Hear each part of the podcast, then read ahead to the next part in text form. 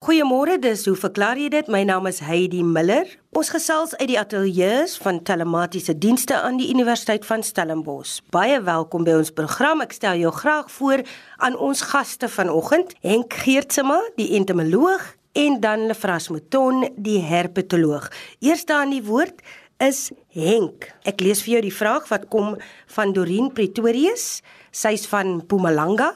Sy skryf: Ek het iets vreemds in my tuin opgemerk. Ons het in September 2018 verhuis en in die nuwe tuin wat al redelik gevestig is, kom daar toe oor Desember Jakob regop blomme op. Die eerste ding wat ek opgemerk het, is dat baie van die geel blomme rooi strepe vertoon. Daar was ook sekere rooi blomme met geel kolle. Ek weet bitter min van plante af, dus het ek aangeneem dat dit so hoort. Dit was vir my 'n groot verrassing toe ek ontdek dat daar van die kaprietjies is wat by die Jakob regop blomme groei wat dieselfde kleurverskynsel het. Die geel kaprietjies het duidelike rooi strepe op. Is dit iets in die grond wat dit veroorsaak? En dan het sy fotos aangeheg. Henk oor na jou. Dankie Dorien. Ek is natuurlik 'n entomoloog, nie 'n plantkundige nie, maar ek is 'n baie geesdriftige tuinmaker. So, miskien kan ek jou 'n bietjie help.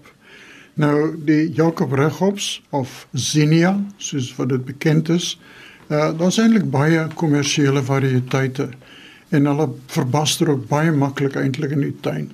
Jy kry die dwergies, jy kry die reuse Jakob Regoppies. So hierdie word meestal kommersieel ingeteel as dit ware. Jy ontdek van die kappertjies wat by die Jakob regop blomme groei met dieselfde kleurverskynsel. Nou sê die geel kappertjies het duidelike rooi strepe. Vra is iets in die grond wat dit veroorsaak. Die eerste plek, ek het hier 'n paar voorbeelde. Uh, Heidi, jy kan nou sien, jy kry die kelkblare, die onderstes en dan kry jy die kroonblare, né? Nou kan jy sien die kroonblare hierdie is mooi geel en dan het hy so 'n handvormige rooi vlekkie in die middel, né? Baie mooi hierdie ene. Baie mooi. Kom uit my tuin uit. Nou weer eens, nou kan jy sien wie die kroonblaar van hierdie kappertjie se kleurpatroon is heel anders, né? Nee? Die rooi is heeltemal oor die kroonblaar uitgeloop as dit ware. Dan kry jy ene waar die rooi absoluut oorheersend is. En jy kry weer ene waar dit nie so blaatant is soos by die een voorbeeld. So ek het nou vier voorbeelde uit my tuin van die kappertjies wat in my tuin groei en al die blomme is pragtige blomme, maar hulle verskil. Jy kan natuurlik hulle eet ook, né? Nou hierdie kleur, die rooi en die geel word veroorsaak deur carotenoïdes. Dis 'n kleurstof wat algemeen by plante voorkom, geel wortels byvoorbeeld. Sy latynse naam is carotus en dit sê vir jou carotenoïdes. Maar kom ons terug na die storie. Hoekom het 'n blom eintlik verskillende kleure en patrone? Dis nie om vir die mens mooi te wees nie. Dit is om vir die insek aanloklik te maak om te bestuif. So wat nou gebeur, die blom wat 'n effe kroonkleur blaar, soos hierdie rooi, is 'n effe kleur. Hy het nie eintlik 'n kern nie, 'n sentrum. Met ander woorde, as 'n insek kom en hy wil hierdie blom bestuif en jy die rooi blom langs die ene met 'n duidelike geel omransel met rooi vlekkies wat na die binnekant toe wys, dan sal die insek hierdie ene verkies wat 'n patroon vertoon. Met ander woorde, die insek tel dan die stuifmeel hierop en dra die stuifmeel of na die nes, maar deel van die stuifmeel word as dit ware oorgedra op die volgende blom. Wat natuurlik dan van 'n ander kleurpatroon moet wees en dan het jy wat ons noem natuurlike verbastering of hibridisering natuurlik. Met ander woorde, dis nie mensgemaak nie. In die geval van Jakob regop is daar baie groot kwekerye wat die stuifmeel kunsmatig oordra sodat jy verskillende kleure en die verskillende blomme kan kry in blomtipes. Hulle vra jy wil net gou onderbreek iets vra? Dit is nou verskillende variëteite wat nou geteel word. Geteel is seker nou nie die regte woord vir plante nie, maar jy weet wat ek bedoel. Ja. So 'n uh, sekere variëteite sal dus swakker gene gee in terme van insekte aanlok. Is is dit is dit so? Dit is so. Die ding is as jy kyk na Jakob regop, daar is sekere skoenlappers wat daarop gaan, maar as jy kyk na kappertjies, is daar baie meer insekte wat op kappertjies uh die blomme besoek. So met ander woorde, al wat die planteler doen, is hy konsentreer op Jakob regop, want dit is eintlik meer die gesogte blom. Kappertjies is amper mense beskou dit amper as 'n onkruid, maar ek dink dit is 'n pragtige blom eintlik. En natuurlik, jy kan die kappertjieblare eet. Lekker vars gebakte witbrood met lekker plaasbotter op en so 'n paar van hierdie kappertjieblare en wat wil jy meer hê? Ek wil net iets sê, Henk.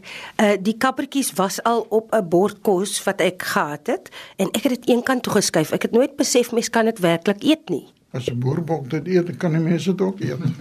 maar in elk geval, ons kom terug. Sy vra, is dit iets in die grond wat dit veroorsaak, die kleurpatrone? Uh nee, dit is geneties, né? Soos ek verduidelik het, die insek help eintlik aan die verbastering van hierdie besondere blomme. Die grond kan besoedel wees. Met ander woorde, daar kan olie in die grond wees of die ergste een is onkruiddoder. Nou onkruiddoder veroorsaak blom en blaarvervorming as dit nie korrek toegepas word nie. So en in die proses kan van die blommetjies kan baie vrillig lyk. En dit kan wees as gevolg van toediening van onkruiddoders wat nie noodwendig op hierdie plant bedoel is nie, maar byvoorbeeld op gas kan dit wel 'n oorsaak hê op die blomvorming van sekere plante. En dan natuurlik chemikalieë is baie interessante geval. Ek het eendag ek nog by die tegnikon gewerk het, kry ek 'n vraag dat mense wat uitry uit hulle motorhuis, die tuin wat langs die paadjie na die straat toe loop, die plante hou aan doodgaan. En my vraag was baie eenvoudig: was dit 'n dieselmotor of was dit 'n petrolmotor? Want die dieseldampe is baie skadelik vir plante eintlik. Dit kan blaar en blomvervorming veroorsaak. Doreen, ek hoop ek het jou vraag beantwoord. Ek wil dit beklemtoon. Ek is nie 'n plantkundige nie, maar ek speel wel met plante. Baie dankie vir die vraag. Ek het 'n brief van iemand van die strand en die dame verkies om naamloos te wees. En dit lyk vir my mense uh, as hulle ongemaklike insekte in die huis het, is hulle maar skaam om hulle naam uh, bekend te maak. Ehm um, sy sê sy luister gereeld na die interessante program. Maar sy sê kon ervind nou vir maande groot ongemak van buitende klein insekte in my woonstel aan die kus. Sy sê sy het alles probeer, maar kry nie die plaag onder beheer nie. Die insekte teel onophoudelik aan. In die begin kon sy die groter insekte sien en fotografeer. Nou is die buitende insekte kleiner as speldekoppies. Hulle swart, hulle wit eiertjies, hulle leef in my meubels, my matte, my bed en in my hare. Ten spyte van verskeie behandelings kry ek dit nie onder beheer nie. Nou heg sy fotos aan en sy sal enige raad waardeer. Nou, ehm uh, naamloos, ehm uh, sy het my drie fotos aangestuur en nou ongelukkig, eh uh, fotos is 'n bietjie dof.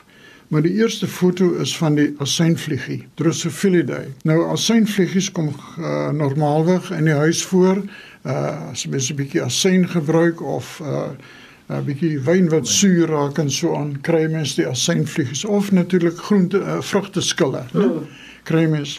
So hulle doen nie skade aan die mens nie. So dit kan nie een van die ongemaklike insekte wees nie. Nou die tweede foto wat sy stuur, ongelukkig is daar nie 'n skaal om vir my te bepaal hoe groot is die eiertjies nie. Die eiertjies klein, wit, oval rond. As ek die ding so kyk en die naamlose briefskrywer sien of sy hond of kat het nie, Dit lyk my na vloei eiers. En dan die derde foto wat sy vir my stuur, is eintlik 'n bekende insek uh die sogenaamde graanstingbesie, Macryodemus diplopterus, wat 'n algemene insek is in die fynbos en wat op sekere tye van die jaar, veral in die laat herfs, oral rondvlieg en wat wel op jou vel kan land en jou 'n byt kan gee. Maar uh naamloos, jy het nou drie verskillende groepe insekte vir my gestuur, so ek kan nie eintlik uh presies bepaal wat dit is nie. En as ek u raad kan gee, kryf my van die insekte of selfs daai klein wit eiertjies en plak dit met kleefband op 'n kaartjie en pos dit na Heidi toe. En dan sal sy vir my gee en dan kan ek baie beter raad gee. Op die oomblik het ek nie raad nie want ek weet nie presies wat die ongemaklike insekte is nie, want dit is 3, maar die klein wit eiertjies Op hierdie stadium kan ek ongelukkig nie vir jou identifiseer en die oorsaak daarvan bepaal nie. Baie dankie aan Henk. Lefras is nou aan die woord. Ek lees vir jou 'n brief voor van Gert van Pretoria. Hy sê: "Na aanleiding van jou program oor groot koggelmanders en die baie groot krokodille en slange wat in die oertyd gelewe het, wat is die grootste slang wat vandag op die aarde aangetref word? Is die luislang ons grootste slang in Suid-Afrika en hoekom sou hy so groot wees? Lefras, jou verklaring. Die luisteraars, ja, die grootste slange wat vandag lewe behoort tot twee families, die Boidae en die Pythonidae. En in die volksmond ons het seker almal gehoor van boas en dan ook uh luislange, die algemene name vir hierdie twee families. Uh Heidi, ek weet nie of jy daai daai fliek Anaconda al gesien het nie. nou ja, anacondas, hulle behoort ook uh, tot die groep boas. Hulle staan bekend as waterboas. Nou daar is so so wat 49 boa spesies en 31 luislang spesies wat dan nou wêreldwyd aangetref word. Nou behalwe vir die uh, buitensporige liggaamsgrootte van sommige, nie al die spesies nie, maar sommige van die spesies binne hierdie twee families, hierdie families ook bekend vir die baie primitiewe kenmerke wat hulle het. Almal van hulle kry mens nog bekken of oorblyfsels van die bekkengordel, né, die dierbene, daar sal nog sulke beenelementjies wees en ook agterste ledemate, pootjies, kort pootjies. Nou dit dui natuurlik vir ons daarop dat slange uit uh, voorvaders ontwikkel het wat vier bene gehad het. Mm. En daar word vandag algemeen aanvaar dat slange is maar akedisse sonder bene. So slange is 'n subgroep van die akedisse. En net soos voëls 'n subgroep van dinosourusse is. Ons praat nou van voëls, maar is eintlik maar dinosourusse wat rondloop. Nou dan is daar nog 'n ander primitiewe kenmerk. Dit is minder bekend en dit is dat hierdie luislange en uh boas, hulle het twee funksionele longe. By al die moderne slange of die meer gevorderde slange het ons net een long.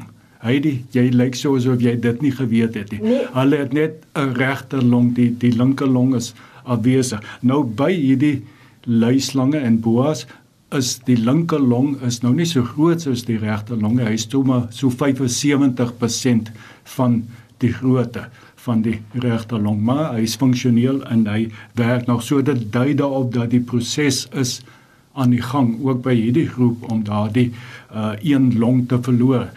As ons dan nou praat oor wat is die grootste slang dan moet mens nou dink bedoel ons nou in massa of in lengte As dit gaan oor massa, dan is die anaconda, die groen anaconda uh, wat daar in Suid-Amerika voorkom. Dit is beslis die grootste of swaarste slang. Uh, daar is al aangeteken uh, massas van oor die 200 kg. Mens weet nie altyd hoe betroubaar hierdie aangetekende massas is. Jy weet nie is dit nadat die dier geëet het of is dit voor dit geëet het? Maar in elk geval daar word algemeen aanvaar dat die groen anaconda is die swaarste slang. Hulle is semi-aquaties al die an anacondas is semi-aquaties en dit maak sin dat hierdie swaar slange in water voorkom want die water uh, hou dan die liggame op. Dit is maar net soos in die see die groot walvisse en goed die hmm. die water ondersteun die liggaam. Nou hierdie anacondas, die wyfies is baie groter as die mannetjies en na paring dan sal die wyfie sommer die mannetjies lang insluk. Nou as dit dan nou gaan oor lengte, dan is wat ons noem die reticulated python, dit is soos 'n snaakse woord, 'n volksvreemde woord die net bond luislang. Ek het nog nooit van daai woord gehoor vir reticulated net bond. Hoekom gebruik mense die term ruit gevlekte slang nie? Klink beter maar alhoewel dit ook maar klink asof daar 'n insek teen die teen die teen die ruit vasgevlieg het. uh in elk geval hy is dan die langste slang wat ons in die wêreld kry kom so in Indië en Suidoos-Asië voor en Weer eens, mens weet nie hoe waar dit is nie, maar daar is gerugte van tot 10 meter lank. Nou dit mense kan maar gaan aftree. 10 meter is 'n baie baie lang uh, slang. Dan as ons nou praat oor Suid-Afrika, ons luislang wat ons hier kry, die Suidelike Afrika luislang, Python natalensis, hy is ons grootste slang, 5 meter en so 60 kg in massa. Nou ongelukkig is dit so. As gevolg van hulle grootte word hierdie slange mos nou maar baie gejag deur mense. Ons kan later nog ietsie daaroor sê. Die slange kry nie 'n kans om so oud te word nie voor hulle in die pot beland nie. Al hierdie groot slange, die boas en die anakondas en die luislange, hulle is beperk eintlik tot tropiese en subtropiese gebiede. Ons het in die vorige program toe ons oor uh, groot kogelmandes gepraat het, het ons genoem dat dit is twee van die belangrike dinge, hoë temperature en baie kos. Nou in tropiese omgewings sal daardie twee goede daar wees en die slange kan groot wees. Maar nou wat sal die voordeel wees van so 'n groot liggaam? Eerstens kan ek dink dat hoe groter jy is, hoe minder vyande het jy, behalwe nou die mens. Potensiële predatore sal minder wees. Kompetisie met ander slange sal verlaag word. Maar ek dink die belangrikste voordeel is waarskynlik in termoregulering, hoe hulle liggaamstemperatuur konstant gehou kan word. Hoe groter 'n dier is, dit is nou ektoterme nie, hulle gebruik ons nou uitwendige bronne.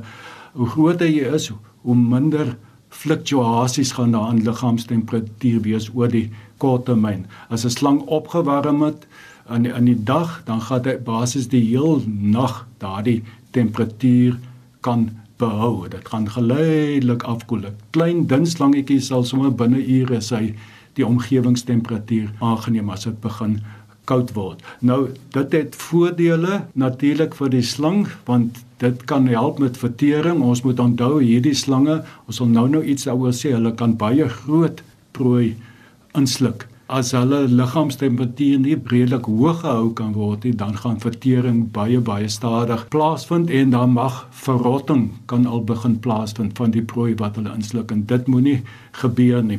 Uh so termoregulering is 'n belangrike ding en dit is interessant dat van hierdie luislange in elk geval die, die een wat hier in Suid-Afrika voorkom uh, dat die wyfies ons sê hulle broei op die eiers. Hulle krul om die eiers en dan met hulle liggaamstemperatuur help hulle uh die eiers se se embrionale ontwikkeling aan. In die dag sal die die die wyfie so 'n kort tydjie in die son gaan lê. Sy sal dat haar liggaamstemperatuur bietjie donkerder maak sodat hy vinnig die die radiasie van die kan son kan absorbeer en haar liggaamstemperatuur kan tot 40 grade styg wat amper 'n dodelike trends is en dan gaan gaan draai krul sy weer om my eiers en dan kan sy vir die res van die dag en ook deur die nag die eiers warm hou. 'n Klein slangetjie sal nie dit kan doen nie. Maar soos ons nou al voorheen gepraat het, liggaamsgrootte is 'n baie komplekse ding en daar is soveel faktore wat dit bepaal dat mens kan dit amper nie uitwerk presies wat is nou die rede daarvoor nie. Anacondas, luislange en boas, hulle is almal konstruktors. Hulle vang hulle prooi, hulle het lelike tande, hulle kan almal baie lelike wond toedien omdat hulle groot prooi vang, moet hulle kan vasbyt en dan draai hulle daardie massiewe lyf om die prooi en hulle druk die prooi dood. Eindelik versmoor hulle die die prooi. Dis nie laat bene breek en in die prooi hele mekaar gedruk word. Daar word net genoeg drukking uitgevoer dat die prooi nie kan asemhaal nie.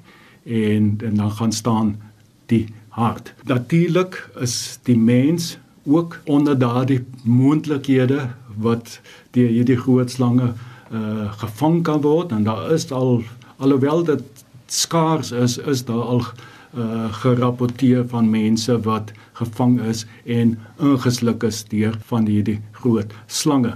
Nou mense wat goed versamel, jy weet wat fanaties raak, soos Henk is nog oor skoenlappers en plante kry mense wat slange aanhou en natuurlik is daar van hulle wat nou hierdie groot luislange en boas aanhou en Ja, daar is al baie van hulle wat die die troeteldiertjie die die eienaar doodgedruk het. Nou nie ingesluk het nie, maar wel doodgedruk het.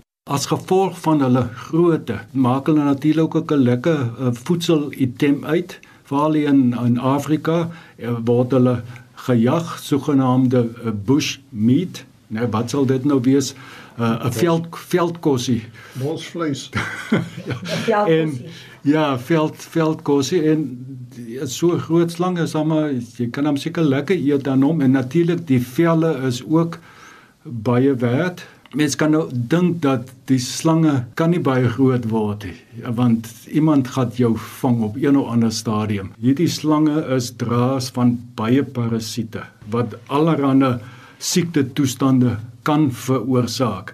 So ek weet nie of ek 'n luislang sal wil uh, eet nie. Ek en Henk het het was een keer saam met sy seun in die veld en ons het al pofadder geëet. Uh, ja. Ek het niks oog gekom nie.